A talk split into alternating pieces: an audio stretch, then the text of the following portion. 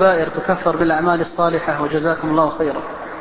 وردت في النصوص عن النبي صلى الله عليه وسلم في تكفير الذنب بالعمل الصالح.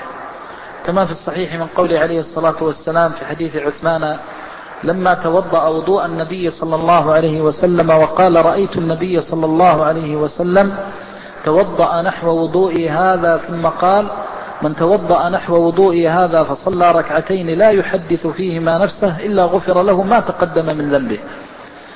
وكذلك قوله عليه الصلاة والسلام في من سبح وحمد وكبر ثلاثا وثلاثين دبر الصلاة المكتوبة ثم قال تمام المئة لا إله إلا الله وحده لا شريك له. له الملك وله الحمد وهو على كل شيء قدير إلا غفرت ذنوبه وإن كانت مثل زبد البحر.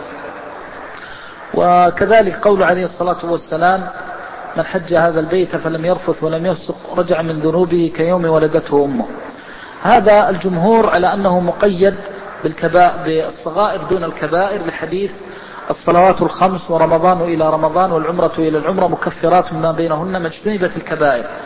وذهب طائفة إلى أنه عام وهو الذي قواه غير واحد خاصة على قول عليه الصلاة والسلام الحج المبرور ليس له جزاء إلا الجنة ودخول الجنة صاحب الكبيرة لا يدخلها إلا بعد أن يغفر له أو يمحص بعذاب النار.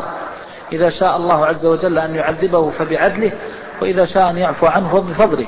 فلما قال ليس له جزاء إلا الجنة وأوجب له الجنة دل على أن الكبيرة قد غفرت. هذا منتزع من يقول بأنه ثانيا الحديث عام ثم قالوا أنه لو كان مقيد لقال كما قال ما اجتنبت الكبائر كان قال هنا إنها خاصة بالصغائر دون الكبائر والمسألة مشهورة عند أهل العلم رحمهم الله ونرجو من الله من واسع فضله أن يكفر عنا وعنكم صغائر الذنوب وكبائرها.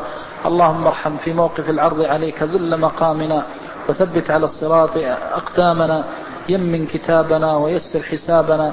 وأحسن عاقبتنا في الأمور كلها وأجرنا من خزي الدنيا وعذاب الآخرة. اللهم إنا نعوذ بك من الفتن ما ظهر منها وما بطن. اللهم أحينا مسلمين وأمتنا مسلمين وألحقنا بالصالحين غير خزايا ولا مفتونين. وآخر دعوانا أن الحمد لله رب العالمين. وصلى الله عليه وسلم.